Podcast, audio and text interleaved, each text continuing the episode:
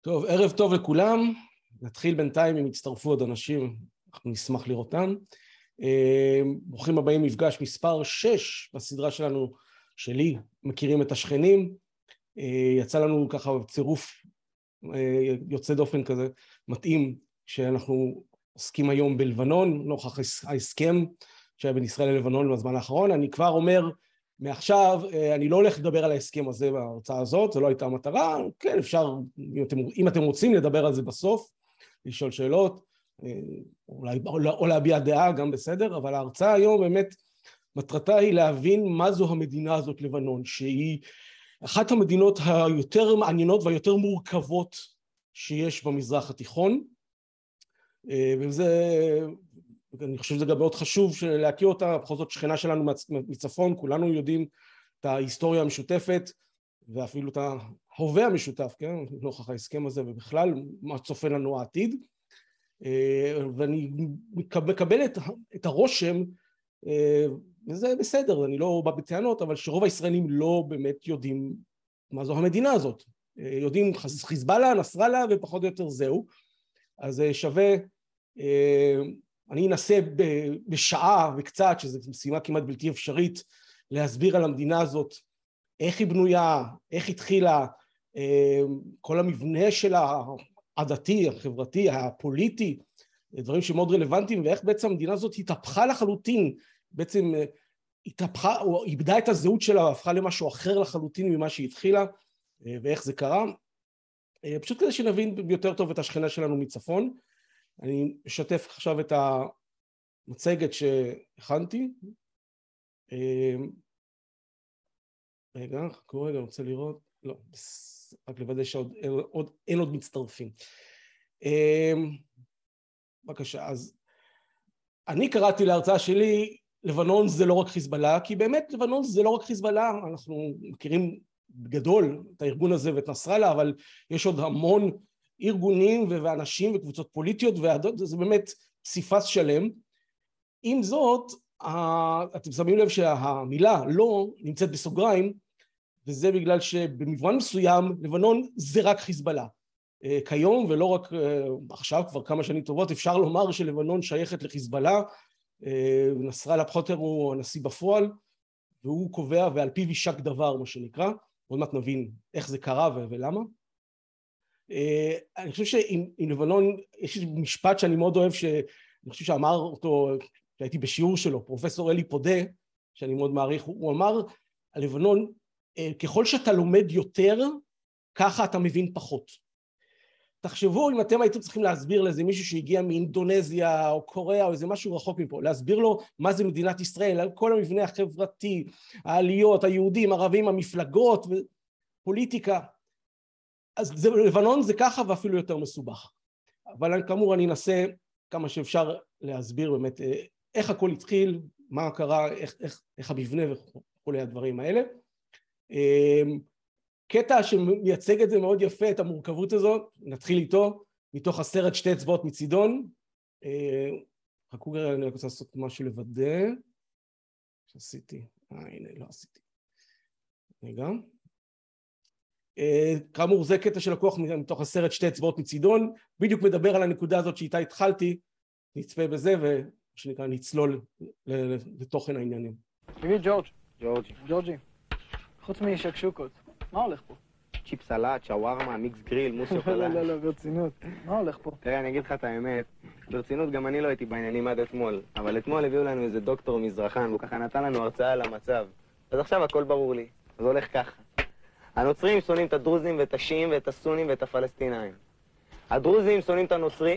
לא, הד... כן, הדרוזים שונאים את הנוצרים ואת השיעים ואת הסורים. השיעים דפקו אותם כל השנים, אז הם שונאים את כולם. הסונים שונאים את מי שהרייס שלהם אמר להם לשנוא, והפלסטינאים שונאים אחד את השני. חוץ מזה שהם שונאים את האחרים. עכשיו, לכולם יש מכנה אחד. כולם, מה זה שונאים? שונאים אותנו, את הישראלים. הם היו רוצים לפוצץ לנו את הצורה אם היו יכולים, אבל הם לא, בגלל צה"ל. אוקיי? זה פחות או יותר הסבר כללי, קצת מצחיק, אבל באמת כל הקבוצות השונות, אם יש משהו חד משותף ביניהם, וגם זה לא בדיוק, שהם כולם שונאים אותנו, כאמור גם זה לא מדויק, אבל בואו נתחיל ונבין מה זו לבנון. אז קודם כל קצת אה, פרטים יבשים נקרא לזה, המדינה עצמה הוקמה ב-1943 עם, עם, עם סיום המנדט הצרפתי שהיה שם. מספר התושבים אף אחד לא יודע בדיוק, כבר המון שנים, אני אתייחס לזה בהמשך למה. מדברים על בערך חמש וחצי מיליון בני אדם נכון לשנה האחרונה, אה, הרכב האוכלוסייה מאוד השתנה ואנחנו נדבר על זה. מבחינת השטח כחצי ממדינת ישראל, אה, בעצם אפשר להגיד שאפשר לקחת אוטו מאזור טריפולי בצפון להגיע עד לנקורה, כן ראש הנקרא נקורה הלבנונית עד לדרום ב... אם אין פקקים זו נסיעה של כשלוש שעות בסך הכל אה, ככה שזה לא מדינה כאמור יותר קטנה מאיתנו בהרבה וסוג המשטר אנחנו מדברים על רפובליקה כלומר נשיא על פניו זה הוא הבעל התפקיד החשוב ביותר האם זה אומר שלבנון היא דמוקרטיה? סימן שאלה. אני עכשיו, אנחנו פה נסביר בדיוק איך, איך בנוי המבנה הפוליטי בלבנון אה, ולפי זה תוכלו כל אחד מכם לקבל החלטה עם עצמו האם לעניות דעתו לבנון עונה על המושג הזה, המונח הזה של להיות דמוקרטיה. אני אגיד לכם שאני אישית חשבתי פעם יותר, ככל שהעמקתי והבנתי, אז אה, הגעתי עם מסקנה עם עצמי שזה פחות דמוקרטיה ממה שחשבתי פעם, ובכל זאת ניגע גם בזה וכל אחד ככה יקבל החלטה עם עצמו אם זה שכנע אותו, האם לבנון סוג של דמוקרטיה או, או בכלל לא. הדבר הכי חשוב כשמדברים על לבנון ולדעתי אגב על כל מדינה ולא משנה אם מזרח, במזרח התיכון או בעולם בכלל להבין מי חי בכל המדינה, בכל מדינה ולבנון זה בכלל נכון זה המפתח כדי להבין אה, מה הולך שם זה ההרכב העדתי. בלבנון יש עד היום לא פחות מ-18 עדות וקבוצות שונות. הבולטים שבהם הארבעה הבולטים אלה הנוצרים המרונים אה, נוצרים בעצם לכל דבר שהיה אה, להם איזשהו קדוש סוף המאה הרביעית שנקרא מרון היו בעצם בהר הלבנון כמעט כל חייהם אפשר להגיד מאז שהם הפכו להיות נוצרים מרונים.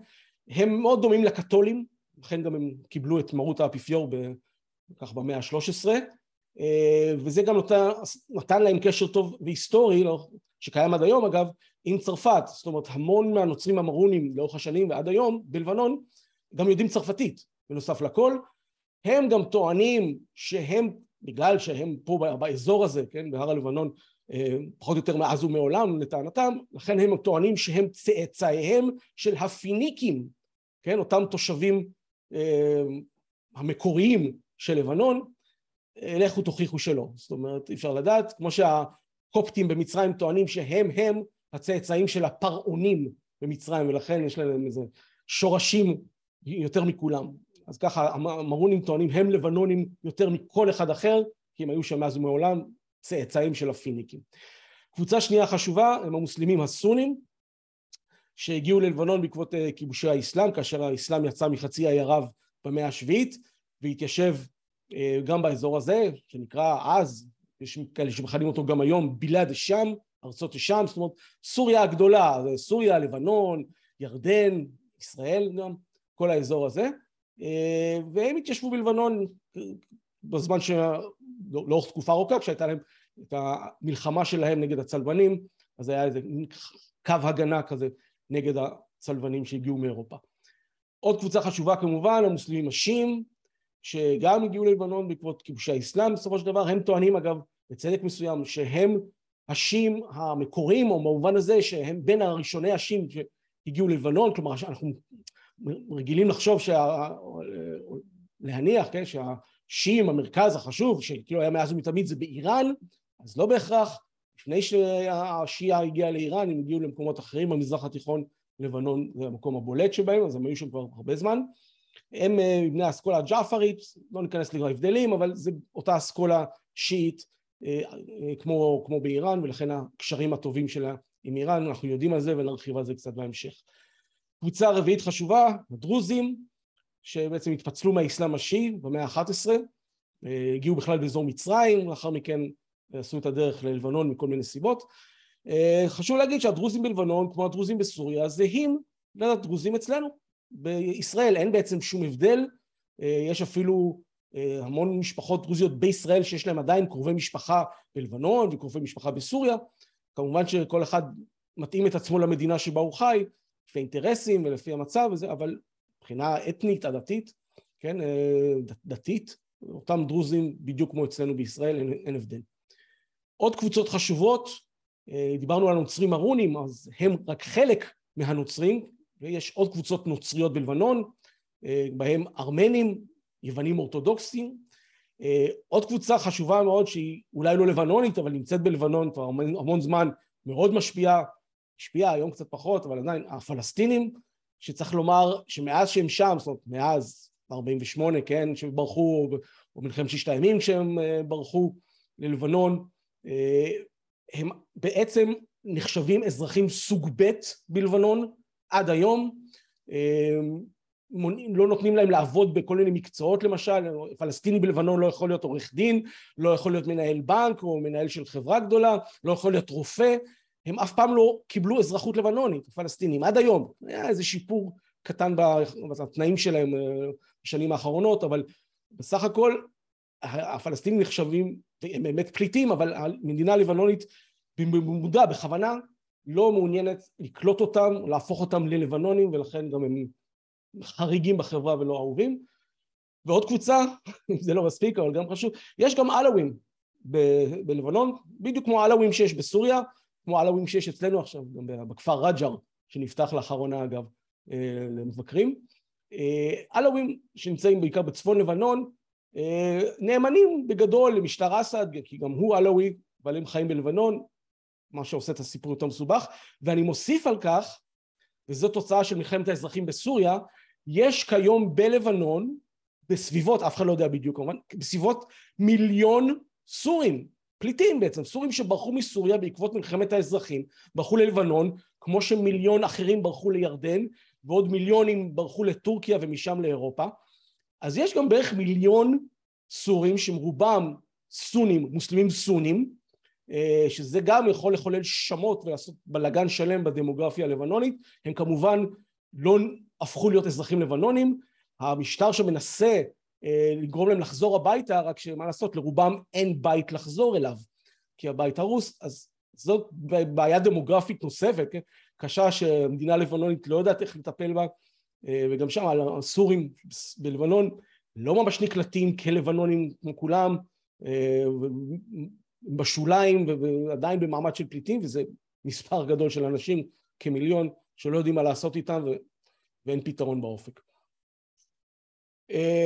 דוגמה מדהימה שזה לקוח מהתוכנית שהייתה לפני כשנתיים בכאן 11 הלבנון, זאת סדרה של כמה פרקים, אני ממליץ לכולם לצפות מי שלא ראה, שאפשר לראות את זה ביוטיוב, על היחסים בין הקבוצות האלה שדיברתי עכשיו. זה דוגמה אחת, נגיד שהיא מייצגת במידה מסוימת, קטע מדהים של, כנראה שצולם בסביבות שנת 1982 כאשר צה"ל נכנס לדרום לבנון, עוד מעט תראו אותו, את אהוד יערי בשנת 82, מראיין פה נוצרי, כן, נהיה לוחם צד"ל, לוחם של צבא דרום לבנון, ותראו מה יש לו להגיד לגבי היחס שלו כנוצרי אל השיעים, כי אה, הנוצרים גם אה, כצבא דרום לבנון הגיעו לדרום, שיעים חיים בדרום, שימו לב איך הוא מתאר את היחסים בין הנוצרים לשיעים, ספציפית בדרום לבנון, אבל זה נכון במדינה בכלל. אתה מסכים לשמור בלילה ביחד עם מישהו שיעי שיהיה יחד איתך? לא. לשמור? לא, לא. למה? למה שהם לא היו טובים? אה, אבל אולי הם השתנו. אה, אולי, אולי הם השתנו, למה שאתם... אה, נכנסנו. נכנסנו. ככה. אתה תתייחס יפה לשיעים שתראה עכשיו פה למטה בבינג' בל? כן. תתייחס אליהם יפה? כן. לא יהיה בעיות. לא יהיה בעיות. לא תעשו להם כלום. לא נעשה להם כלום, למה שאתם פה. יופי. תודה רבה, ווילה. אהלן. ורוצה להגיד עוד משהו, אם אתם לא פה, אנחנו מזיינים אותם. כן. אה, אוקיי, זאת אומרת, אפשר להגיד, אומנם זה קטע ספציפי. אתה מסכים לש... אבל המתח בין הקבוצות האלה, בין אם זה בין הנוצרים מול השיעים, או הסונים מול המרונים, או הדרוזים מול הפלסטינים, הכל והכל, תמיד היה שם, ולפעמים גם מתפוצץ, אנחנו נדבר על זה, וזה מתח שקיים כל הזמן עד היום בין הקבוצות השונות, ה-18 העדות והקבוצות השונות האלה, שאף פעם לא באמת הסתדרו אחד עם השנייה, וכל אחד מנסה להשתלט על השני, וכל אחד רוצה לבנון אחרת, וזה אחד ה... בעצם המפתח או הדבר העיקרי שגורם למדינה הזאת להיות כל כך לא יציבה, כל כך אמ, זאת אומרת לא, לא מתפקדת בגלל ריבוי הקבוצות, זה אגב משהו שדיברתי עליו, היה נושא של ההרצאה הקודמת, מהבחינה הזאת זה ממש המשך, אה, כל, וזה נכון אגב בכלל בעולם, כן? כל מדינה, או בכל מדינה, ככל שיש בה יותר קבוצות שונות אחת מן השנייה מבחינה דתית, אתנית הדתית, ככה הסיכויים לחוסר יציבות פוליטית וחברתית רק גדלים, ריבוי קבוצות, ואנחנו רואים את זה אפילו אצלנו במדינה שלנו, כן? שיש הרבה כל מיני קבוצות שונות אחת מהשנייה, זה גורר אי הסכמות ולפעמים גם אפילו אה, אלימות ומאבק וכולי, ולבנון זה בדיוק הסיפור הזה. עכשיו מעבר לכל הקבוצות האלה, הנוצרים, דרוזים, שיעים, מוסלמים, מוסלמים שיעים, סונים, כל אלה, יש את המשפחות, החמולות אם תרצו, המשפחות השולטות אה, בלבנון, חלקן יש להם שורשים של אה, אפילו איזה מאה שנה ויותר, זה קצת משתנה, אבל מי שמכיר, משפחת ג'ומייל, למשל פה בתמונה אנחנו רואים למטה באמצע אמין ג'ומייל, כן, מי שהיה נשיא לבנון, בשיר ג'ומייל היה נשיא לבנון לזמן קצר עד שהתנקשו בו, זאת אומרת משפחה נוצרית מרונית מאוד חזקה והרבה פעמים, זאת אומרת, רק בגלל שיש שתי משפחות נוצריות, אפילו אם נוצריות מרוניות, זה לא עושה אותם חברים, לא עושה אותם קשרי ידידות, יש יריבויות בין המשפחות אפילו מאותה עדה ומאותה דת. והמשפחות האלה זה קודם כל זה כוח פוליטי שמתורגם לידי, לידי כוח כספי, כלכלי, להם, הם חולשים על חברות גדולות בלבנון אה, וכל הכסף הולך אליהם וזה בעצם נפוטיזם במובן הכי טהור אה, של המילה שקיים עד היום בלבנון, משפחות חזקות כאשר הרבה פעמים גם יש אבא שהוא היה חזק והבן הוא ממשיך שלו. ראינו את זה רפיק אל-חרירי ראש הממשלה הלבנוני שחוסל היה מוסלמי סוני, התנגשו בו, נרצח, ובאופן טבעי הבן שלו, סעד חרירי, גם הפך כמה פעמים אגב להיות ראש הממשלה. אה, קחו פה בפינה השמאלית למטה, האיש הזה ווליד ג'ומבלט, אה, אבא שלו היה כמאל ג'ומבלט, כן, המנהיג של אחד, אחד ממנהיגי הדרוזים החשובים בלבנון, אז כמאל ג'ומבלט אבא שלו היה מנהיג, הוא מטבע הדברים, הדברים הפך להיות המנהיג של הדרוזים, לפחות באזור שלו, ועכשיו אה, כבר בשנים האחרונות הוא מכשיר את הבן שלו להיות המחליף. אה, וככה זה, וככה זה מקובל. אז בנוסף לכל העדות השונות יש את המשפחות אה, שיש להם עדיין המון כוח, ומה שעוד יותר מסבך את הדברים, והמשפחות האלה לפעמים הן משתפות פעולה אחד עם, השני, שני, אחד עם השנייה, ולפעמים ממש נלחמות אחד נגד השנייה, אפילו, כמו שאמרתי, אם הם מאותה עדה או דת. מסובך אמרנו, אמרנו. בואו נראה שנייה עכשיו לגבי מה זה המדינה הזאת, איך היא נוצרה באמת, נלך קצת אחורה. קודם כל מבחינת השטח, אם תורידו שנייה את הגבול, יש משהו לכאורה קצת מוזר של מה זו המדינה הזאת לבנון, למה היא לא חלק מסוריה הגדולה. אה, אגב, היו ועדיין יש לא מעט אנשים בלבנון, גם מחוץ ללבנון, שאומרים צריך בכלל לבטל את המדינה הזאת לבנון, או אפילו לבנונים שלא רוצים להיות חלק מהמדינה הזאת, בעיקר המוסלמים סונים שבהם, ורוצים להיות חלק מסוריה הגדולה. ואומרים אין בעצם זכות קיום ללבנון. היא בעצם מעין מובלעת בתוך סוריה, ובכל זאת היא נוצרה. למה? אז בואו נסביר. מקום טוב להתחיל בו כדי שלא נלך רחוק מדי, כמו המון מדינות אה, מודרניות, או המדינות המודרניות שקמו במזרח התיכון במאה העשרים. אה, נתחיל בסוף מלחמת העולם השנייה ובשני הג'נטלמנים המוכרים האלה, סייקס ופיקו, בריטי וצרפתי, שחילקו ביניהם את השלל, כן, החליטו על חלוקת השטחים אה, ביניהם לאחר נפילת האימפריה העות'מאנית, אה, אם פה בישראל היה המנדט הבריטי והבריטים היו גם בירדן ובעיראק, אז הצרפתים לקחו לעצמם את כל האזור הזה של סוריה, לבנון, גם אזורים קצת בטורקיה, מאינטרסים שלהם, קודם כל אינטרס אחד חשוב שהוא רלוונטי עד היום, נגיד לרוסים זה מאוד חשוב, פתח לים התיכון, כדי שיוכלו להגיע עם הספינות, סחורות, כלכלה, מאוד הגיוני. והדבר שני, מה שציינתי מקודם, קשרים היסטוריים טובים עם הרוב הנוצרי, בעיקר עם הנוצרים המרונים שהיו בלבנון. הכירו אותם, הנוצרים המרונים דיברו צרפתית, אותה הדת, יש היסטוריה ולכן אמרו הנה יש לנו פה חברים פה באזור אז אנחנו רוצים את האזור הזה של אגב היו גם יש גם נוצרים ב, עד היום בסוריה זאת אומרת, לכן היה אינטרס צרפתי שהם ישלטו בשטח הזה, אה, ויהיה מנדט צרפתי, כמו שהיה אצלנו מנדט בריטי, פה ואצלנו בירדן, עיראק ומקומות אחרים. החזון של לבנון בתחילת הדרך כמדינת לבנון היא הייתה צריכה להיות, או היא קמה, כן, כדי להיות מדינה נוצרית עבור הנוצרים. אה, ולמה? אה, תראו, במלחמת העולם הראשונה היה מה שנקרא, אתם רוצים או להגיד השואת העם הארמני או הטבח בעם הארמני, כן? כמיליון ויותר ארמנים שנטבחו, נהרגו על ידי העות'מאנים. עכשיו מה זה ארמנים? אלה נוצרים. ומה הם הטורקים? הם מוסלמים. כלומר מה שהיה פה בעצם, היה פה טבח עם של מיליון בני אדם, מיליון נוצרים, ארמנים, שנהרגו, נטבחו, כן? על ידי הטורקים שהם מוסלמים. הנוצרים בלבנון ראו את הדבר הזה, ואמרו אנחנו לא רוצים שיקרה לנו את אותו דבר. לכן אנחנו לא רוצים אה, להיות חלק מאיזה ים מוסלמים, זאת אומרת להיות חלק מאיזה מדינה גדולה שיש בה המון מוסלמים, לא רוצים להיות חלק מסוריה ולהיבלע בתוך ההמון המוסלמי הזה, שיכול יום אחד לעשות לנו מה שהטורקים עשו לארמנים. לכן אנחנו רוצים מדינה נוצרית עבורנו. אוקיי? החלוקה הדתית, מה שאתם רואים פה במפה, כמובן שזה השתנה וזה לא מדויק, אבל בגדול זה, זה עוד נכון. אה, זה הריכוזים, זאת אומרת איפה השיעים היו ועד היום, כמובן שיש גם שיעים בביירות כיום, אה, ואיפה המורונים, הסונים, הדרוזים, אתם רואים לפי הצבעים. אז כאשר הנוצרים באו לצרפתים, אמרו אנחנו רוצים מדינה נוצרית עבורנו, אמרו הצרפתים סילבו פלא, בבקשה, אין בעיה, אבל איזו מדינה אתם רוצים?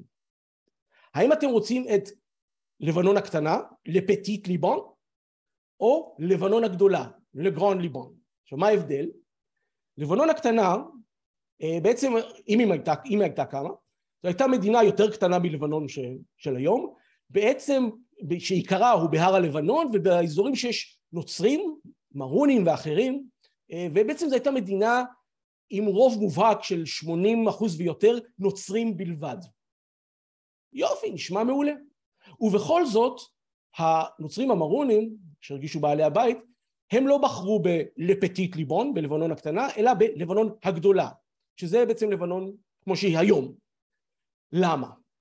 פה דבר מדהים, תראו איך, למרות שזה אידיאולוגיה מסוימת שלהם שאולי הייתה קיימת לפני כן, אבל התגברה, התחזקה, נוכח האידיאולוגיה הנאצית של גרמניה הנאצית. התמונה הזאת שאתם רואים פה עכשיו, אלה לא חיילים נאצים, אלה לא גרמנים, אלה לבנונים נוצרים מרונים. ולא במקרה ההצדעה במועל יד. האידיאולוגיה הנאצית בשנות השלושים, אפילו תחילת הארבעים, כשעוד הייתה פופולרית בחלקים מסוימים בעולם, הכתה שורשים גם במזרח התיכון. בלבנון, במצרים אגב, גם בעיראק. אגב, מי שלא יודע, אה, אחמד סאדאת, ידידנו הגדול שעשה איתנו שלום, נשיא מצרים, בצעירותו כסטודנט, היה ראש התא של הסטודנטים שתמך באידיאולוגיה הנאצית. ראש תא, התא הנאצי של אוניברסיטת קהיר. אוקיי? גם ה, בלבנון האידיאולוג, האידיאולוגיה הנאצית מאוד קרצה לנוצרים, במיוחד המרונים. ובעקבות הדבר הזה, למרות שהם חשבו אולי על זה קצת לפני כן, הם הלכו בבחירה שלהם על לבנון הגדולה, זה נבר בין השאר מתוך האידיאולוגיה הנאצית ובעיקר מתוך עיקרון מרחב המחיה. מה אומר בעיקרון מרחב המחיה? שהגרמנים הרי אמרו אנחנו רוצים אה, להתפשט ולשלוט על עוד שטחים, קודם כל שיהיה לנו עוד שטח להתפרס עליו, אבל גם כדי שהעמים הנחותים יותר, דוגמת הפולנים במזרח וכל השאר העמים במזרח אירופה, הם יכינו לנו את האוכל, יבנו לנו את הבתים, כן, כי הם מבחינה גזעית, כן, תורת הגזע, נחותים מאיתנו, מהגזע הארי, הם יהיו סוג של משרתים שלנו, וככה אנחנו נחיה טוב, נשע, סוג של נשעבד אותם אה, בדרך לכיבוש אירופה כולה. את הרעיון הזה של מרחב המחיה אימצו הנוצרים המרונים, ולכן הם רצו דווקא ללכת על לבנון הגדולה, כדי לספח אליהם גם את השיעים, חלקם לפחות, וחלק מהדרוזים וכל שאר הקבוצות, מתוך הנחה שהם ישרתו אותם. ידעו, ידוגו לנו דגים ויעשו חקלאות בשבילנו, והסונים ככה יתעסקו לנו, יבנו לנו בתים, והדרוזים גם, וככה. אה, חלק מזה גם נבע, נבע מעניין גיאוגרפי, כן? כי רוב הנוצרים המרונים בעיקר אה, חיו ועדיין חיים בהר הלבנון, שזה אזור שאי אפשר ממש אה, לגדל שם או לפתח שם חקלאות, כי זה הר שהוא לא מספיק שטוח למעלה ואין מספיק שטח לשדות חקלאים.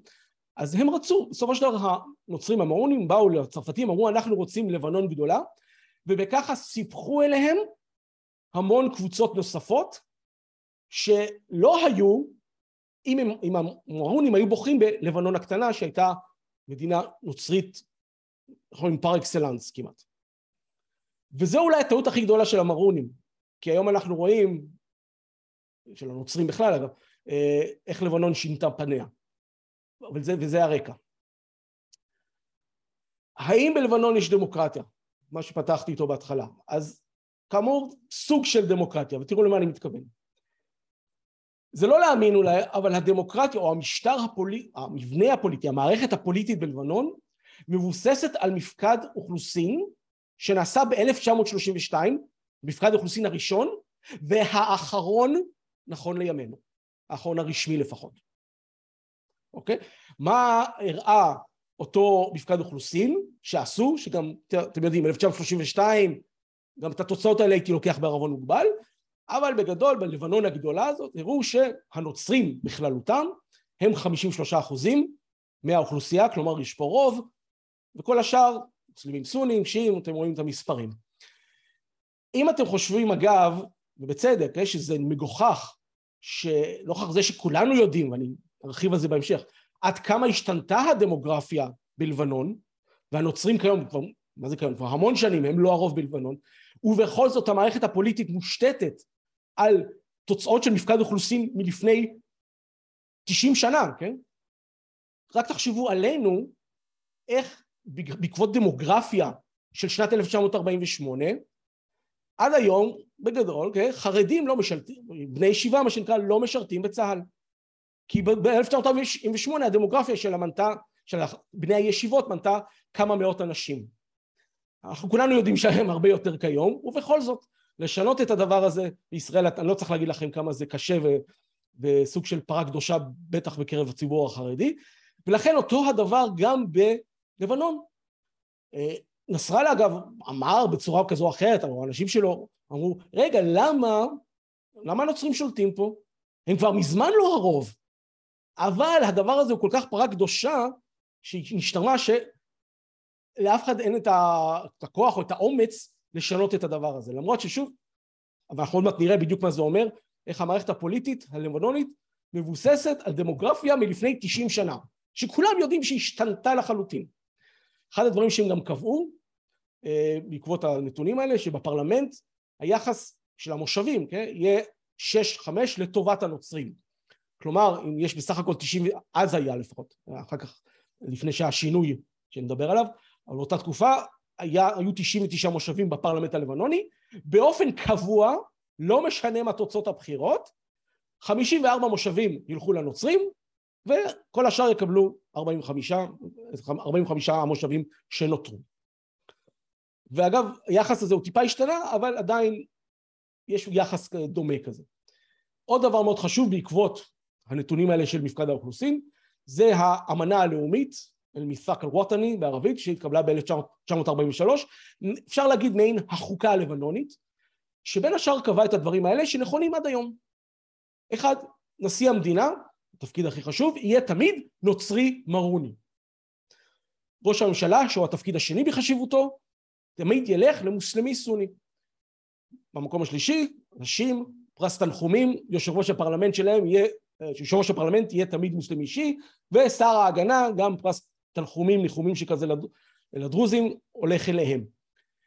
עכשיו, זה נשמע מאוד מוזר, כן? תחשבו שאם היה בישראל למשל חוק שקובע שכל אחד יכול להתמודד, כן? להיות, לנסות להיות ראש ממשלה בישראל, בתנאי שהוא אשכנזי. זו דמוקרטיה? אגב, זה גם מה שבאמת קרה במדינה שלנו, בלי חוק, אבל זה עניין אחר. אבל בלבנון זה חוק, חוק יסוד, זה חלק מהחוקה. רק נוצרי מרוני, יכול להיות נשיא המדינה. עכשיו, אתם יכולים גם להגיד, רגע, למה קבעו בכלל את החוקים האלה, את ההגדרות האלה? כן? למה לא לתת דמוקרטיה חופשית? כל אחד שיצביע למי שרוצה, וניתן כל אחד, זאת אומרת, כל חופשי לכל אחד, בלי כל ההחלטות האלה. אז זה הם עשו, אז דווקא כדי לשמור על סוג של דמוקרטיה. למה אני מתכוון?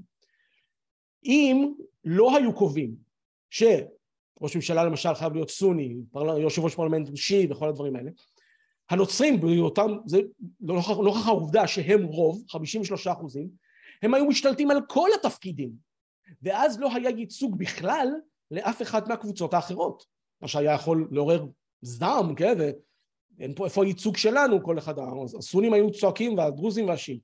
אז ככה הכריחו בעצם את הנוצרים קצת, או הנוצרים אמרו לטובתנו, בואו ניתן גם לאחרים תפקידים, כדי שיהיו חלק מהשלטון, יקבלו חתיכות מהעוגה השלטונית מה שנקרא, ולא, כדי שלא יתמרמרו ואולי יצאו כנגדנו.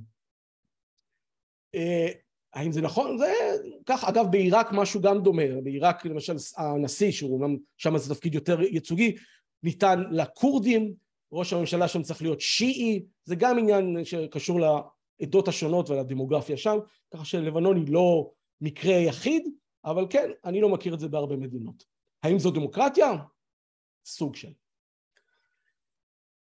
כך, על זה בנויה המדינה עד היום. והיא הייתה בסך הכל די מוצלחת, מי שמכיר, כן, שבנון דיברו עליה פעם במושגים של שווייץ של המזרח התיכון, אה, הייתה בסך הכל משגשגת ומצליחה בשנות החמישים והשישים, אבל המתיחות בין כל הקבוצות האלה הייתה שם כל הזמן. והתפוצצה בסופו של דבר, אני כמובן רץ פה על כל מיני אירועים, כי הייתה מלחמת אזרחים קטנה יותר כבר ב-1958, לא נרחיב על זה, אבל האירוע הגדול באמת זה מלחמת האזרחים ב-1975, אה, שהניצוץ שלה, כן, הניצוץ, מה שהדליק את חבית הנפץ הזאת, זה הייתה התנגשות בין הפלסטינים לנוצרים. פה באמת צריך להגיד, האלמנט הפלסטיני שהגיע, אה, השפיע מאוד על המדינה, אה, היה החל מ-1970, אחרי ספטמבר השחור ב-1970, כן, להזכירכם, אש"ף, ערפאת ועוד כל מיני ארגונים פלסטינים שהיו בירדן, עשו מה שהם רצו שם, אה, המלך חוסיין החליט שנמאס לו, שהחבר'ה האלה פה לא יותר מדי מרגישים בנוח, אה, נכנס בהם בכל הכוח, הרוגים, עם המון הרוגים, בספטמבר השחור של 1970, ובלחץ של גם ירדן, ובעיקר גם מצרים וסוריה, שהן לא רצו את הפלסטינים אצלם, אז הם הכריחו את לבנון החלשה לקבל את כל הפלסטינים, כל, את ערפאת וכל הארגונים, אש"ף ושאר הארגונים הפלסטינים שהיו בירדן, גירשו אותם ללבנון, לדרום לבנון, אמרו תעשו מה בא לכם שמה, ולבנון זה מה שנקרא הסכם קהיר, ולבנון נאלצה לקבל את זה, וזה יצר מתיחות נוראה, כי בעצם הפלסטינים התחילו להשתלט על החצר האחורית של לבנון, על דרום לבנון, והנוצרים כבעלי הבית אמרו רגע מה קורה פה, אתם לא יכולים, לא יכולים לעשות מה שאתם רוצים. אבל מצד שני הם קיבלו תמיכה, גם מתוך לבנון, מדינות אחרות, לא ניכנס לכל הפרטים, אבל אנחנו מכירים, פתח להם, כן, לא סתם, זה ממש פלסטינים אה, פשוט התבססו להם בדרום לבנון על חשבון הנוצרים שהיו שם קצת, השיעים, ו... ולא כולם כל כך שמחו לכל כל הפעמים האלה שהפלסטינים, אש"ף, החליטו לשגר קטיושות על קריית שמונה, או לנסות אה, לחדור לתוך ישראל, כי כל פעולה כזאת כמובן זימנה אחר כך תגובה ישראלית. בקיצור, מתח אדיר בין הפלסטינים בדרום לבנון לבין, אפשר להגיד כמעט כל הקבוצות השונות בלבנון, בעיקר הנוצרים, דרוזים והשיעים אפילו. אז ב-1975 היה אירוע נקודתי שבאמת היה ניצוץ שהצית את החבית, חבית אבק שרפה הזאת, עימות חמוש בין פלסטינים לנוצרים, באזור ביירות שנהרגו משתי הצדדים ואנחנו אומרים באנגלית all hell broke loose, כן? גיהנום טוטאלי אה, יותר מ-20 ארגונים חמושים שנלחמו אלה באלה כי לכל עדה והרבה פעמים בכל עדה גם לכל משפחה כזאת חמולה היו חלקם עד היום מיליציות חמושות בנוסף לצבא לבנון. אז זאת אומרת צריך להגיד זה לא רק שבגלל הפלסטינים אה, כל המתיחות הייתה שם וההתארגנות הייתה שם עוד לפני. אנחנו מדברים על 14 שנה, 14 אפילו יותר, שנים של מלחמת אזרחים נוראה עם כ-150 אלף הרוגים, אולי יותר, אף אחד לא יודע, מיליון בני אדם שעזבו את המדינה, זה במדינה כל כך קטנה כמו לבנון, זה מספרים ענקיים, זאת אומרת, נוראים. הרבה מהאנשים שאגב עזבו את לבנון מאותה תקופה זה מי שידו משגת כמובן, בעיקר הנוצרים, כי היו יותר מהאליטה, עשירים. אה, אנחנו כמובן ב-82 שהתערבנו אה, כדי להפסיק את ירי הקטיושות וכל הפעילות של אש"ף, מה שנקרא מלחמת שלום, שלום הגליל, או לאחר מכן מלחמת לבנון השנייה, הראשונה. אה, בסופו של דבר, ופה אני כמובן רץ, היו עוד המון אירועים חשובים, אבל האירוע שסיים את מלחמת האזרחים בלבנון היה הסכם טייף ב-89, טייף על שם העיר הסעודית. טייף, סעודיה לקחה תחת חסותה אה, לנסות, גם הצליחה, כן, לסיים את כל המלחמה הנוראה הזאת. אה, קיבלו שם המון החלטות, חלק מהעניין היה גם לשנות את האמנה הלאומית הזאת, כן, החוקה הלבנונית שנתנה עדיפות ברורה לנוצרים, אז ליצור קצת יותר שוויון, הרחיבו את, הגדילו את מספר המושבים בפרלמנט ל-128, נתנו קצת יותר ייצוג פוליטי לשאר הקבוצות, למוסלמים הסונים, קצת הקטינו את הסמכויות של הנשיא, כל מיני דברים כאלה. הדבר אבל המרכזי ומאוד רלוונטי גם לנו, אבל בעיקר ללבנונים, היה החלטה אה, שבוצעה בסך הכל לפרק את כל המיליציות החמושות האלה מנשקם. אמרו, אנחנו צריכים להיות מדינה מתפקדת, אי אפשר שיהיו פה מיליציות, כל אחד פה עם נשק, רק הצבא, הצבא של המדינה, הוא רשאי לשאת נשק, ולכן אה, הסכימו באמת, כל המיליציות האלה, הארגונים החמושים, הסכימו למסור את נשקם לצבא, להתפרק מנשק. כל המיליציות וכל הארגונים, למעט ארגון אחד. ניחוש במי מדובר? חיזבאללה כמובן. למה חיזבאללה לא נכלל בדבר הזה? איך יכול להיות ש... חיזבאללה לא נכלל, לא היה אחד מאותם ארגונים שגם לא אמרו, תקשיב, פסור את הנשק, כמו כולם, למה ויתרו לו? אז הנה ההיגיון, לפחות של אז, ואני בטוח שזה המון לבנונים, אנחנו גם, אבל המון לבנונים מתחרטים על ההחלטה הזאת, אבל ההיגיון, אה, למה לא להכליל את חיזבאללה וזה, היה א', שהוא לא, הוא קודם כל נלחם נגד ישראל, אוקיי? הוא פה כדי לגרש את האויב הציוני שהשתלט לנו פה על דרום, על דרום לבנון, ולכן זה לגיטימי. ושיישאר עם הנשק כי הסיבת הלחימה שלו, סיבת הקיום שלו מבחינה הזאת, היא מוצדקת. והדבר השני, וזה נכון, אה, חיזבאללה לא השתתף במלחמת האזרחים. הוא לא ירה על אזרחים לבנונים, זה מתקשר לסיבה הראשונה, שבעצם אומרים חיזבאללה מעולם, לפחות עד, עד אה, נקודת זמן מסוימת, חיזבאללה לא כיוון את הנשק שלו, לא השתמש בנשק שלו כנגד לבנונים, אלא רק כנגד ישראל. ושוב, עד תקופה מסוימת בזמן ונעמוד על זה. ולכן, בהחלטה שכולנו מבכים את אותה, מבכים עליה, כן? אנחנו בישראל, אבל גם המון לבנונים, חיזבאללה לא פורק מנשקו, ולכן הפך למפלצת העוצמתית הזאת שאנחנו מכירים כיום, והלבנונים גם מכירים, ששולטת על המדינה, וזה עיקרון מאוד בסיסי, אנחנו גם רואים איך הוא לא מתקיים אצל הפלסטינים למשל, בעיראק גם, אה, תחשבו אצלנו, כאשר קמה מדינת ישראל, אחד הדברים החשובים שעשה דוד בן גוריון, זה היה לפרק כן, את כל המחתרות, הפלמ"ח, האצ"ל, הגנה, הלח"י, אין יותר את הדברים האלה, יש צה"ל, יש צבא אחד של המדינה, ואפילו, אה, אנחנו מכירים סיפור על טלנה כמובן, אנחנו בכוח אפילו לא, העיקרון הזה, לא הסכים לוותר על העיקרון הזה, זה לא קיים בלבנון. וזו סיבה מרכזית למדינה הזאת לא מתפקדת, יש לכם שתי צבאות, כאשר הצבא של חיזבאללה כבר המון שנים חזק הרבה הרבה יותר מהצבא הלבנוני. שתי צבאות באותה מדינה זה לא מתכון לחיים טובים, לחיים יציבים מבחינת המדינה. בואו נדבר קצת על חיזבאללה באמת. השאלה הגדולה שמרחפת מעליו פחות או יותר מאז שהוא קם ועד היום שאלה שמטרידה המון לבנונים ואחרים, האם חיזבאללה בהגדרה שלו הוא ארגון לבנוני, או שמא הוא מבצע דברם, כן, עושה דברם של האיראנים. כי בסך הכל חיזבאללה לא הגיע מהירח, חיזבאללה נוסד רשמית ב-85, אבל צריך להגיד שהיסודות שלו החלו עוד ב-1980, שנה אחרי המהפכה האסלאמית באיראן, האיראנים כבר שלחו תועמלנים, אנשי דת, לאחר מכן כל מיני אנשי צבא, אחרים, הקימו את הארגון הזה.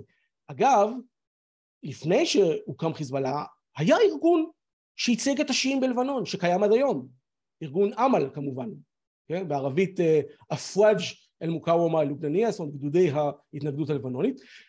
למה האיראנים לא לקחו את ארגון אמל ופשוט שדרגו אותו ונתנו לו כוח? למה באיראן החליטו להקים ארגון חדש בשביל השיעים? אז הסיבה, אני שאלתי את זה מומחה ללבנון שיודע יותר ממני, הסיבה העיקרית היא שארגון אמל, לפחות אז באותה תקופה, אומנם היה ארגון שיעי, אבל לא היה מאוד ארגון דתי. הוא היה, לא אגיד חילוני בדיוק, אבל לא תואם את הלכי הרוח ואת האידיאולוגיה של המהפכה האסלאמית של איראן. ולכן כשהאיראנים רצו לייצא את המהפכה והגיעו ללבנון, הם רצו ארגון ברוחם ובצלמם אה, ששותף לאידיאולוגיה שלהם, ולכן הקימו ארגון חדש, שמו חיזבאללה. אגב, יש חיזבאללה, השם הזה קיים גם אה, בעיראק, יש גדודי חיזבאללה וגם כל מיני, איזשהו ארגון באיראן, גם נקרא חיזבאללה. אה, מקובל גם לחשוב, אנחנו חושבים הרבה פעמים שהארגון הזה קם כתוצאה או כתגובת נגד לפלישה הישראלית שלנו לדרום לבנון. אז זה לא נכון, כי כמו שאמרתי, השורשים שלו, כן, התחלת הבנייה של הארגון הזה, החלה כבר ב-1980, עוד לפני שצה"ל נכנס לדרום לבנון. ככה שכנראה הארגון הזה היה קם בכל מקרה. כמובן שהכניסה שלנו אה, נתנה לו מאוד לגיטימציה, כמו שהסברתי מקודם, כמי שנלחם נגד האויב שבא פה לכבוש את לבנון ואנחנו חיזבאללה נגרש אותו, מה שאכן הם הצליחו. אז כאמור, חיזבאללה היה חלופה לארגון אמל השיעי, שקיים עד היום אגב. אה, יש שיעים ששייכים לארגון אמל ומצביעים, תומכים באמל ולא בהכרח בחיזבאללה. הרוב כמובן כן בחיזבאללה, אבל לא כולם. חיזבאללה הוא כל כך הרבה דברים, אבל בגדול אנחנו מדברים על מה שאנחנו בעיקר מכירים, כן, זרוע צבאית חזקה, אפילו יותר מזרוע, כן, ארגון צבאי חזק, סמי צבא, אה, שכאמור חזק יותר מהצבא הלבנוני, ולצד זאת, לא מהתחלת דרכו, אבל בשלב מסוים, הוא גם מפלגה פוליטית בלבנון לכל דבר. מפלגה פוליטית חברתית שמטרתה, אחת המטרות שלה, זה לא רק להילחם בישראל וזה, אלא באמת לשפר את המעמד של השיעים שהיו במשך תקופה ארוכה עד הגעה של חיזבאללה פשוט במעמד הנמוך ביותר בשולי החברה הלבנונית, התייחסו להם כאזרחים סוג ג', אם תרצו, כמו שאומרים, ישראל השנייה, אז זה לבנון השנייה, או לבנון השלישית אפילו. כן?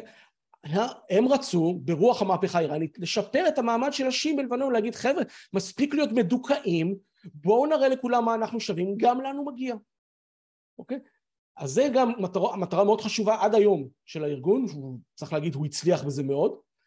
וגם לפעול למען האינטרס האיראני במזרח התיכון, אנחנו רואים לא מהיום כיצד חיזבאללה נמצא לא רק בלבנון, הוא נמצא בסוריה, הוא נמצא בתימן, לעזור לחות'ים והשיעים, הוא נמצא בעיראק במובן מסוים, ובעוד כל מיני מקומות שהוא ככה דוחף את עצמו, בין אם בדעת, על דעת עצמו, או בין אם בהוראה שמגיעה מטהרן.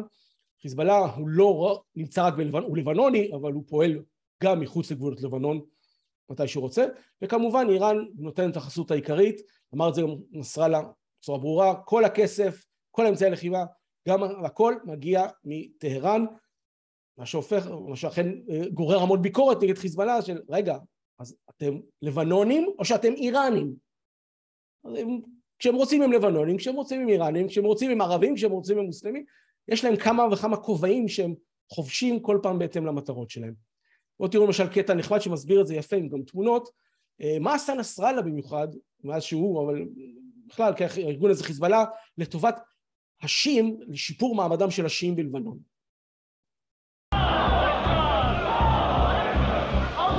אחד הדברים הראשונים שהוא עושה זה לבנוניזציה של חיזבאללה. אני מדבר איתך כמה חודשים אחרי המינוי שלו. הוא נכנס, הוא אומר, אנחנו רצים לפרלמנט. אנחנו לא יכולים להיות רק ארגון טרור.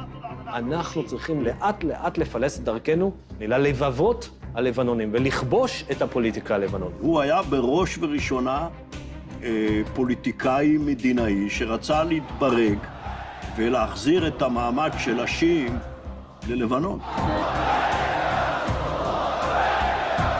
בונה קהילה, בונה קהילה שיעית שהייתה נכשלת וחלשה, והוא מצליח לחזק אותה ולהעצים אותה, מביא אותה למקומות שהיא לא ידעה קודם.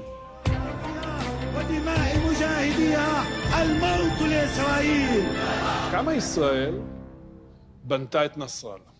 המון. התשובה היא המון. כשאנחנו ישבנו בתוך לבנון, הכי קל היה לו לאחד את הכוחות ולהגיד, האויב בפנים, אני המגן. את זה הוא ניצל ותמרן את האיראנים, שגם אה, נתנו לו נשק, גם נתנו לו כסף, זה התאים לאינטרסים שלו. אם אנחנו לא היינו שם, הוא היה צריך לחפש דרך אחרת כדי שיתמכו בו. הטרמינולוגיה שלו אז לא הייתה הציונות צריכה להיעלם וכל הדברים, אלא הכובש. הבנו בזמן את הכוח של האדם הזה? בוודאי. כבר כשהיינו ברצועת הביטחון, הבנת שהוא יריב, שמבין אותנו יותר טוב מאחרים, מתוחכם, יודע לנצל גם את היתרונות שלו וגם את החסרונות שלנו, ופועל באופן ראוי להערכה. ובאמת צריך uh, לציין פה, זאת אומרת, נכון, יש חיזבאללה כארגון, יש מדינה, אבל כן, גם מנהיגים, ההנהגה של נסראללה, uh, שהייתה עד היום, כן, הוא מאוד דומיננטי ועם חזון, נכון שטוב שיש איראנים ברקע, אבל עובדה שמנהיג אחר של השיעים לפני כן, uh, סאדר, אימאם מוסא סאדר, שנעלם אגב בלוב, עד היום לא יודעים מה קרה לו, הוא לא היה כזה כריזמטי, עובדה שמעמדם של השיעים לפני חיזבאללה לא היה טוב כמו שהוא אחרי, ולכן מבחינה הזאת צריך להגיד, הוא, נסראללה וחיזבאללה בכלל השיגו את המטרה, את המטרה, אחת המטרות שלהם, אה, להפוך את, אה, את השיעים, או אה, כן, להפוך את השיעים בלבנון לקבוצה חזקה הרבה יותר, עם מעמד, לא מסכנים ומדוכאים כמו שהם היו עד אז. הנה קטע מדהים אגב שנסראללה פשוט מודה איך כל הכסף, כל הדברים שלהם מגיעים מאיראן, זה אחרי שניסו להטיל סנקציות וכולי, על חיזבאללה ועל איראן, זה לא כל כך עבד, אבל קטע מדהים. نحن وعلى المكشوف ويمكن هيك شيء بالعالم كله ما فيه انه واحد يطلع علنا وشفاف وصادق وبيقول للعالم كله نحن يا خيي على راس السطح موازنة حزب الله ومعاشاته ومصاريفه وأكله وشربه وسلاحه وصواريخه من الجمهورية الإسلامية في إيران. تمام؟ ما حدا له علاقة بهذا الموضوع. طالما بإيران في فلوس يعني نحن في عنا فلوس هتكون شفافية أكثر من هيك זה קטע מלפני כמה שנים טובות, היום הוא כבר פחות צוחק, כי באמת בעקבות הסנקציות שהטיל דונלד טראמפ, נשיא ארה"ב לשעבר, כן? על איראן, לאיראן אין כסף, היא במצוקה כלכלית קשה כבר כמה וכמה שנים, ובעקבות זה גם חיזבאללה אין לו כסף. איך אמר נסראללה, כל עוד לאיראן יש כסף, לנו יש כסף, אז לאיראן אין כסף וגם לחיזבאללה אין כסף. זה גם אה, סיבה למצב הכלכלי הנוראי של לבנון כיום, נגיע לזה קצת בסוף. אה, כמה נקודות ציון לגבי האיש עצמו, אה, איך הפך מהמנהיג או האיש הכי נערץ בעולם הערבי לאחד האנשים הכי שנואים בעולם הערבי, שוב, חלקו עדיין אוהב חלק מהעולם הערבי עדיין אה, מעריץ אותו, אבל יש, יש לו הרבה, הרבה פחות אוהדים. במלחמת לבנון השנייה אנחנו כולנו זוכרים איך אז הוא היה הגיבור של העולם הערבי, איך שהוא הצליח להחזיק מעמד 34 ימים נגד צבא, כן, צבא שתואר כצבא שלא ניתן להביס אותו. אה, אז איך הוא נתן fight כזה טוב לציונים, היה superstar בעולם הערבי. הנקודה, אחת מהנקודות המפנה שגרמה לירידה בקרנו של נסראללה ושל הארגון בכלל הייתה ב-2008 שהם השתלטו על ביירות, אני ארחיב על זה עוד מעט קצת, אבל בעיקר בעיקר זה המעורבות של חיזבאללה במלחמת האזרחים בסוריה. ברגע שחיזבאללה לצד הכוחות של אסד ולצד האיראנים החלו להרוג מוסלמים סונים, אז כל העולם הערבי, בעיקר הסוני, פשוט הפנה את גבו אליו ולא סולחים לו על זה עד היום איך הוא עזר לאסד הרוצח ובעצמו שלח לוחמים באלפים, אגב נהרגו, אף אחד לא יודע בדיוק כמה, אבל כמה אלפים טובים כן, של לוחמי חיזבאללה נהרגו בסוריה כדי להגן על משטר אסד, כשעל הדרך הם הרגו שם המון המון סורים, ערבים, מוסלמים בעיקר ואחרים. אה, זה ובנוסף, כמו שאמרתי, התערבות של חיזבאללה בהמון מדינות אחרות הפך את, את הארגון הזה ואת נסראללה לשנוא, עד כדי כך שחיזבאללה במדינות המפרץ וסעודיה, וכבר כמה שנים טובות, מוגדר, בדיוק כמו אצלנו ובמערב, ארגון טרור לכל דבר ועניין. זה לא רק אנחנו שונאים אותו, זה ממש, יש לזה השלכות. אז איך חיזבאללה שולט בלבנון, והוא שולט בלבנון ללא ספק, קודם כל בכוח הנשק, אה, שוב, אחרי שפיר, במיוחד אחרי שפירקו את כל המיליציות החמושות האחרות בהסכם טייף, והוא, יש לו ארגון חמוש חזק יותר מצבא הלבנוני, אף אחד לא מתעסק איתך, אה, מתוך פחד, בגלל הכוח שיש להם, והם הוכיחו אגב את הכוח הזה במאי 2008, היה סיפור שהממשלה בלבנון גילתה שחיזבאללה בשקט בשקט, כמובן בלי לידע אף גורם ממשלתי, אף גורם רשמי בלבנון, במדינת לבנון, הם החלו לבנות להם מערכת תקשורת קרקע, תת-קרקעית, כדי שלא, שאנחנו בישראל לא נוכל להאזין להם, וזה דבר שהרגיז מאוד את הממשלה, את ראש הממשלה, את הנשיא, אמרו מה זה אתם לא יכולים לעשות דבר כזה בלי לידע אותנו, והתחילו לדבר על זה שעכשיו כשיודעים על זה אז יפסיקו את הפרויקט הזה, כן, ינתקו שם, יפרקו את כל המערכת התקשורת התת-קרקעית הזאת, אז נסראללה בתגובה, ברגע שהוא ראה שהמדינה הרצינית, פשוט השתלט על ביירות תוך חמש שעות. בכוח הנשק.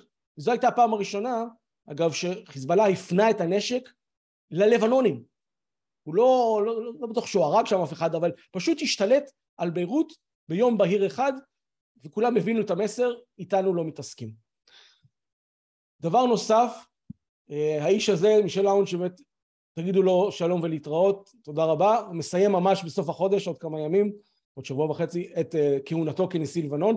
זו תמונה מפברואר 2006, כאשר נסראללה, הרי אמרנו לפי האמנה הלאומית של לבנון, הנוצרי חייב להיות, הנשיא חייב להיות נוצרי מרוני, נסראללה יודע שהוא לא יכול להיות נשיא, לא הוא או מישהו מהמפלגה שלו, מהארגון שלו, ולכן הוא חבר למישל אאון, נוצרי, מרוני, מי שהיה רמטכ"ל צבא לבנון, ואגב היה פעם חבר שלנו, אנחנו עזרנו לו אפילו כשהסורים רדפו אחריו וכולי, לא ניכנס לכל זה.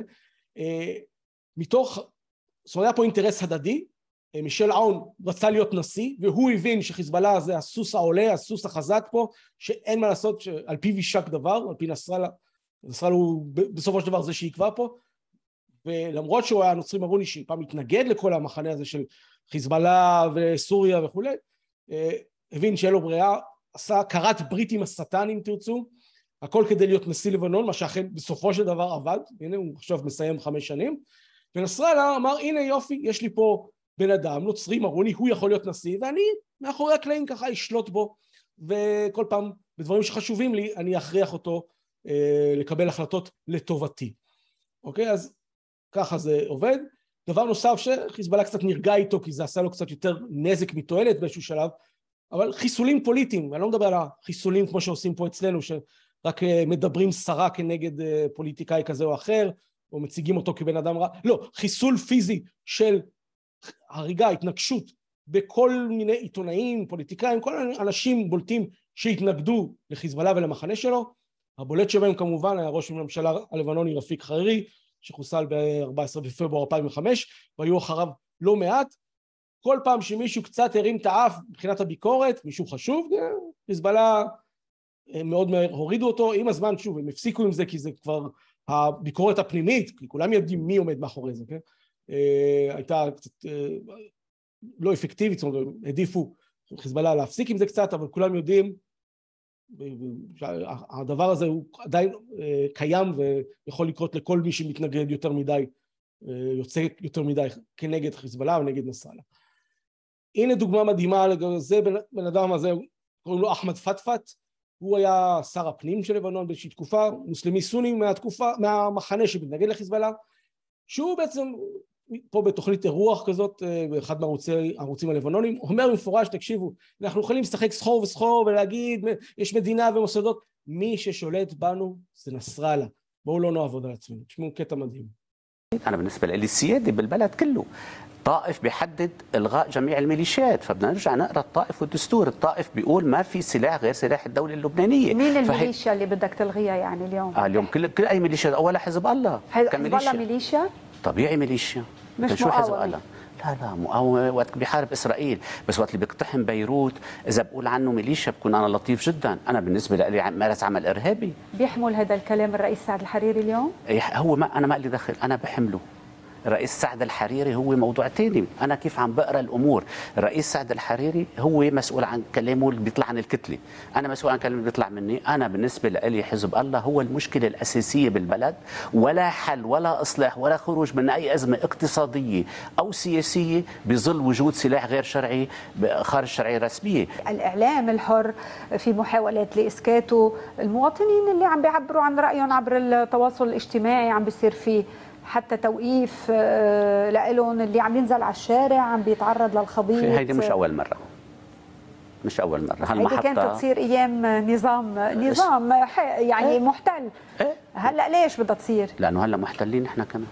محتلين نحن طبيعي طبيعي. ميليشيا حزب الله المتمثل الإيراني محتل البلد. محتل القرار حزب السياسي. الله حزب لبناني. الحزب الله حزب لبناني. ما بعرف إذا حزب. أول شيء ما معه ما معه علم وخبر. ما مقدم ما بيعترف بالدولة اللبنانية مش مقدم علم وخبر. أنا كنت وزير داخليه وبعرف. مش مقدم علم وخبر. شوفي شوفي لوين يعني لوين بيحتقروا الدولة اللبنانية؟ لأنه وقت بيقدم علم وخبر مجبور يقدم أسماء اعضائه كل سنة ومجبور هذا كله ما ما بده يعملوا ما بده يعمل. حزب حزب الله من الأساس بيؤمن بولاية الفقيه الإيرانية ما بيؤمن بالدستور اللبناني. حزب الله وقت الجد طائف منه شايفه ولا شايف كل شيء. حزب الله بيقول لك انا عندي شروطي وهذه خطوطي الحمر روح اتصرف انت بعدين يعني عم بيسحب منك كل شيء وبعدين بتتصرف مشان هيك انا قلت انه التيار الوطني الحر ما عم يقدر ولا حيقدر يعمل شيء لانه مش هن اسياد اللعبه مش هن كومبارس باللعبه مش هن الممثلين الحقيقيين اللي حاكم الفعلي للدوله اللبنانيه اليوم اسمه السيد حسن نصر الله رئيس الدولة الفعلي اسمه سيد حسن نصر الله ما نضحك على حالنا אוקיי? האיש הזה אגב עדיין בחיים, עדיין איתנו, אבל לטעמי אומר דברים מאוד נכונים. אה, עכשיו שוב אני מזכיר, חיזבאללה זה ארגון לבנוני, יש לו תמיכה. אנחנו הרבה, הוא מציג את זה, כן, השת- חיזבאללה השתלט על המדינה וזה, כמו שאנחנו רואים אגב על חמאס, השתלט על עזה, חמאס הוא מעזה, יש לו תומכים, הוא לא הגיע מהירח. גם חיזבאללה, כמה שאנחנו כמובן לא אוהבים את מה שהוא עושה, והוא אויב שלנו, ואנחנו אויבים שלהם. אה, צריך להגיד, אה, יש לו לגיטימציה לבנונית. במיוחד שהקהילה השיעית, הדמוגרפיה השיעית גדלה, והיא כיום ללא ספק הקבוצה הגדולה ביותר אה, בלבנון, אף אחד לא יודע בדיוק, הערכות היא בין 40 ל-45 אחוזים מה- מכלל האוכלוסייה בלבנון, אה, ככה שיש לו אה, לגיטימציה, אבל כמובן ש...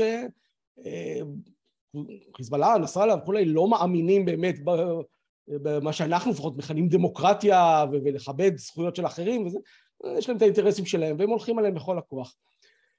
בגדול, אני אומר מבחינת הרזולוציה של כמה אנחנו נכנסים לעומק הדברים, זה עוד מזכיר לי תקופה שעבדתי בערוץ אחד שהיינו מתעסקים בלבנון, בגלל שזה כל כך מסובך ואין זמן להסביר הכל, אפשר בגדול לחלק עד היום את המחנות, את כל המפלגות והאנשים בלבנון בין תומכי חיזבאללה למתנגדי חיזבאללה. כי במחנה חיז- חיזבאללה מעבר להרבה מה... או כל השיעים אפשר לומר, יש גם נוצרים שתומכים בהם.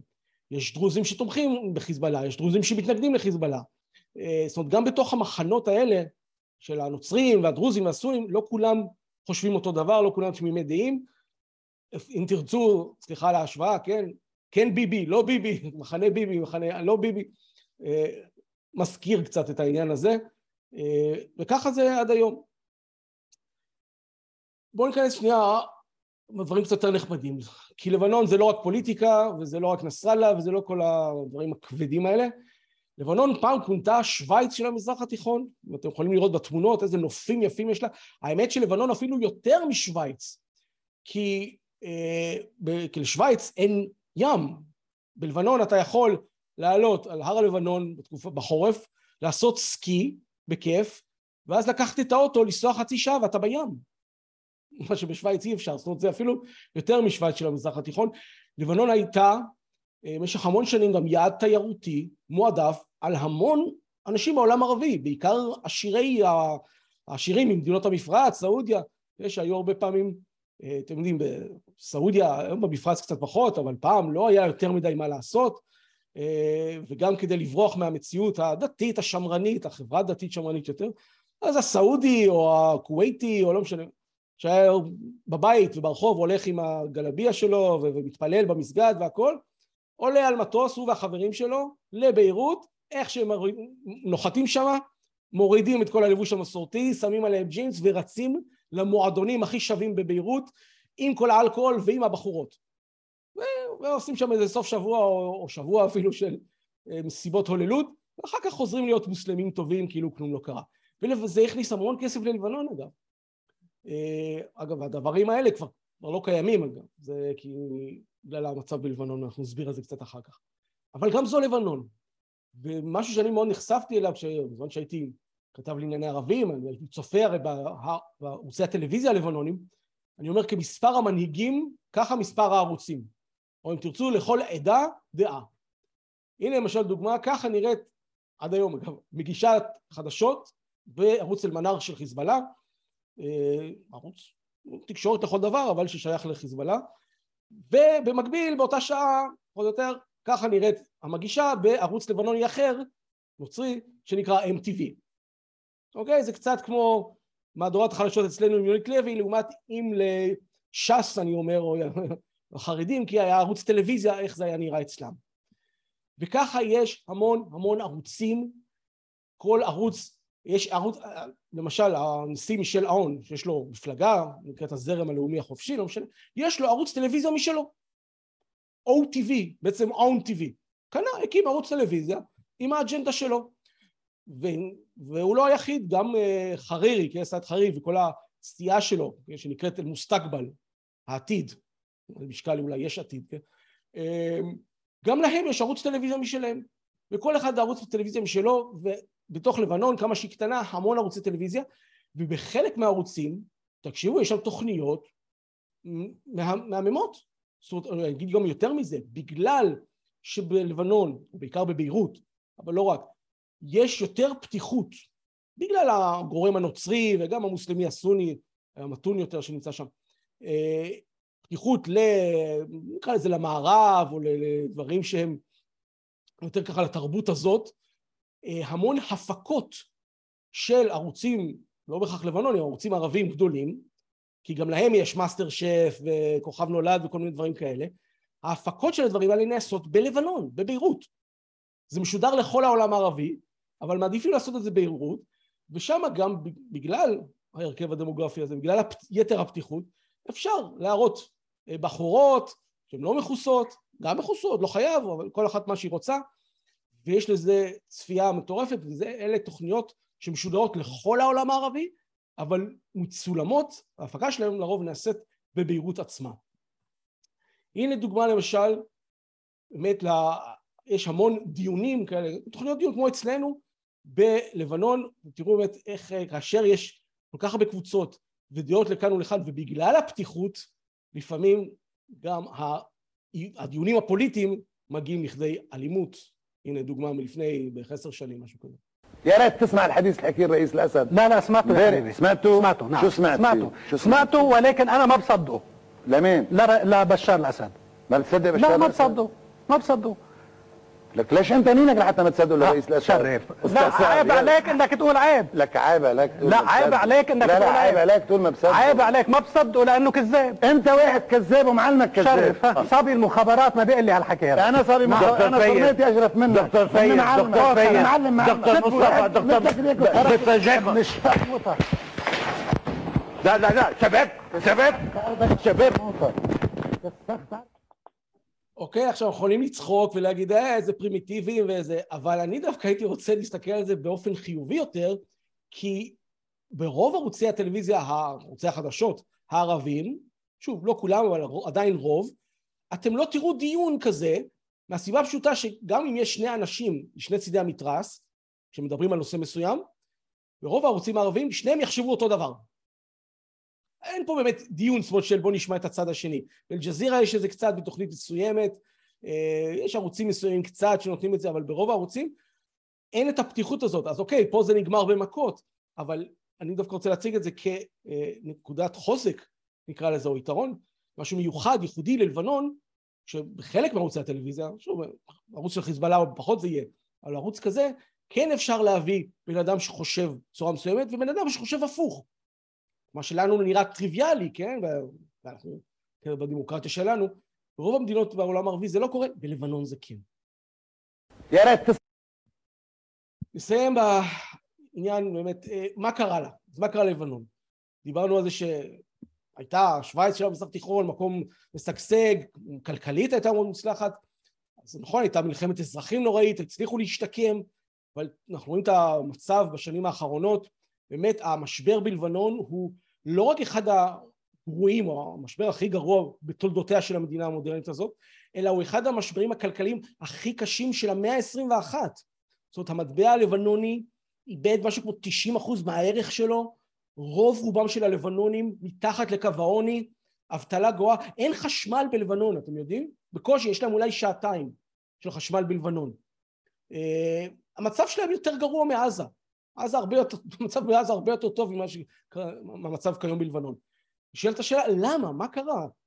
אז יש לזה כמובן לא מעט סיבות, אפשר לדבר על זה הרבה. בקיצור נמרץ נאמר, קודם כל שחיתות שלטונית, שזה לא, וזה לא מהיום, אה, שהיא נמצאת אצל כל הקבוצות השונות, בעיקר בגלל העניין המשפחתי, כן? כי כל בעצם אה, עדה דואגת לעצמה, וברזולוציה יותר אה, גבוהה, אז כל חמולה כזאת דואגת לעצמה, ואין פה, אצל רוב הלבנונים, כן, ממש הרגשת של תודע, תודעת עם, הייתי אומר, שאכפת להם אחד מהשני, שרוצים בטובתו של האחר, לא באמת נוצר עם לבנוני, הם גם לא מתחתנים הרי אחד עם השני. הנוצרי מרוני ימשיך להתחתן עם הנוצרייה המרונית, והשיעים יתחתנו רק עם בינם לבין עצמם, וכך עם הדרוזים. לא מתחתנים ולכן גם לא נוצר עם לבנוני, וזה גם הסיפור בהמון מדינות ערביות אחרות, דיברתי על זה בהרצאה הקודמת, מי שהיה, זה נכון גם בעיראק ובסוריה ובלוב ובעוד המון המון מקומות שהמשפחות, העדות, הקבוצות האתניות השונות נשארות כמו שהן, לא מתחתנים עם אחרים ולכן לא נוצר עם. וזה גם גורם לשחיתות שלטונית. כל קבוצה אכפת לה מעצמה. כן? עכשיו שחיזבאללה שולט, וזה, הוא אכפת לו מהשיעים נגיד, מאלה שתומכים בו, וכל השאר שילכו לעזאזל. נסראללה ואחרים אומרים, למה אני צריך לדאוג שלדרוזים יהיה טוב, או שהמוסלמים הסונים וזה? למה הם תומכים בי? אם הם תומכים בי, רוצים, בסדר, אני אעזור להם קצת, אם לא, שילכו לעזאזל. אה, הדבר הנוסף אבל לדעתי המהותי יותר הוא העובדה שלא רק במדינות המערב, קרי באירופה, ארה"ב, אנחנו כמובן, שהגדירו עם הזמן את חיזבאללה ארגון טרור, גם מדינות ערביות ובראשן המדינות העשירות, סעודיה ומדינות המפרץ, איחוד האמירויות, כווית אה, וכולי, הגדירו כבר לפני כמה וכמה שנים את חיזבאללה כארגון טרור. ברגע שהם מגדירים, הגדירו אותו ככה, הם פשוט ניתקו את היחסים שלהם, אה, את הקשרים שלהם עם מדינת לבנון. עכשיו צריך להבין, לבנון במשך המון שנים הייתה תלויה במיליארדים, זה מיליארדים, שסעודיה שפכה עליהם, נתנה להם, ושאר מדינות המפרץ וגם מדינות אחרות באירופה, אה, בכל מיני פרויקטים שאותן מדינות השקיעו בלבנון, פרויקטים של תחבורה, של תשתיות, של מקומות עבודה, תעשייה, הכל. וברגע שכל המדינות האלה אמרו, טוב, אנחנו הבנו שחיזבאללה פה השתלט על המדינה הזאת, אנחנו לא מוכנים יותר, פשוט סגרו את הברז ולא נכנס כסף זר, מטבע זר למדינה הזאת. אף אחד לא עושה עסקים עם לבנון כיום. אז לא פלא שכל הכלכלה צונחת. אני אתן לכם דוגמה מדהימה, שהסעודים במשך כל, ככה כל כמה שנים, לפני שהגדירו את חיזבאללה ארגון טרור, הם היו נותנים, כן, פשוט תורמים כמה, סכומי כסף גדולים לצבא לבנון, כדי לחזק את הצבא הלבנוני. עד שהם גילו שהרבה מהכסף הזה בסופו של דבר עובר לחיזבאללה, חיזבאללה משתמש בו כדי לקנות טילים בשביל החות'ים שנמצאים בתימן, והחות'ים בתימן משגרים את הטילים האלה חזרה על סעודיה. אתם מבינים את האבסורד? זאת אומרת, הסעודים אומרים, מה, אין מצ... מה, מה נראה לכם? אנחנו לא מוכנים, אנחנו משקיעים כסף בלבנון ומקבלים אותו בחזרה בדמות טילים שנוחתים לנו על הראש? זה נראה לכם הגיוני? לכו לאלף עזאזל, לא נותנים לכם יותר דינר אחד, כן? דולר אחד לא תקבלו. וזה מה שהוביל בסופו של דבר להידרדרות, וזה גם סיבה שקשה להם לצאת מזה, כי אף אחד כמעט, כן? לא רוצה לעשות איתם עסקים. מי כן? איראן למשל, כן? אבל גם איראן כאמור במצב כלכלי מאוד מאוד קשה. אה, וזה גם הסיבה שמאוד היה חשוב, עכשיו אנחנו חוזרים פה להווה שלנו, לאירועים האקטואליים, לזה היה מאוד חשוב, גם לחיזבאללה שהיה במצב קשה, אבל למדינה בכלל, אה, למצוא מקור הכנסה חדש, חלופי כלשהו.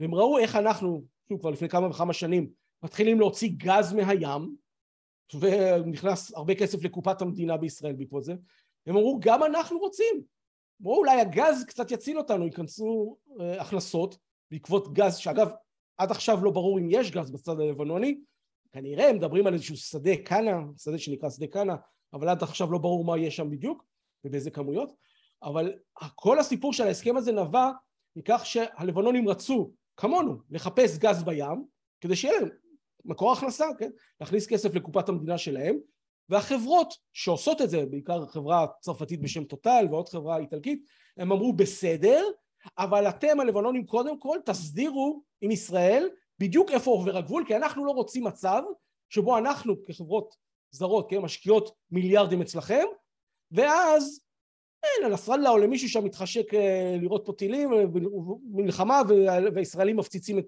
את האסדות גז שנבנה לכם והנה ירד לטמיון כל ההשקעה שלנו.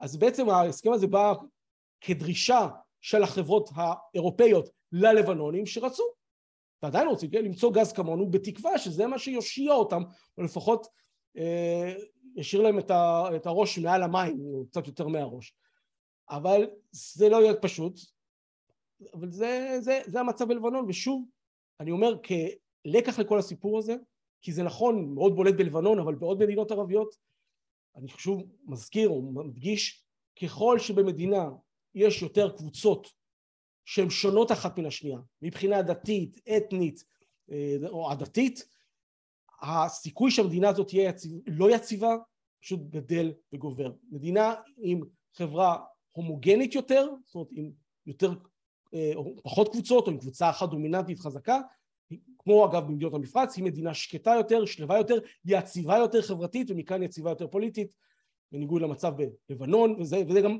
מסביר הרבה כמו שאמרנו מה קורה בלבנון, מה קרה בסוריה, מה קורה בעיראק, מה קורה בסודאן, בלוב ועוד כל מיני מדינות כושלות כאלה זה גם בעצם אותו סיפור, לבנון זה פשוט מקרה מאוד ברור כי על שטח כל כך קטן 18 עדות עם היסטוריה של מעשי טבח אחת נגד השנייה עם אינטרסים שונים ועם כל כך הרבה גורמים זרים שבוחשים בה אין לה סיכוי כמעט. זאת אומרת זה שהיא הייתה יציבה ושקטה לתקופה מסוימת זה היה סוג של נס זה היה פשוט קברו את הצרות מתחת, לש, מתחת לשטיח מה שנקרא אבל הכל ביעבע מתחת. הנה התפרץ במלחמת האזרחים הגדולה הזאת מ-1975 עד 89-90 ועכשיו גם חיזבאללה אומנם שולט אבל הוא לבד במערכה יחד עם איראן אולי קצת סין קצת רוסיה אבל בגלל שהוא מוגדר כארגון טרור והוא זה ששולט במדינה אף אחד פשוט לא מוכן אה, לעשות איתם עסקים המדינה הזאת קורסת ואני מקווה שהגז יעזור להם אבל גם זה לא בטוח עד כמה. אני חושב שזה עוד מספיק, סך הכל הנה לא היה יותר מדי ארוך, לא, לא חרגתי בהרבה. אה, אם יש שאלות כמובן אני אשמח לענות. אה, אני מקווה שהבנתם קצת יותר טוב איך בנויה המדינה הזאת, זה מדהים לחשוב איך מדינה בשנת 2022 עדיין מתנהלת לפי דמוגרפיה מלפני 90 שנה ואף אחד בינתיים לא משנה את זה כאמור כי זה פשוט פרה קדושה למרות שכולם יודעים בצדק מסוים כן שהנוצרים המרונים הלכאורה נחמדים גם הם לא כאלה נחמדים אגב אה, הם כבר מזמן לא האליטה הם מזמן לא לבנון הראשונה. אולי לבנון הראשונה אבל הם מזמן כבר לא הרוב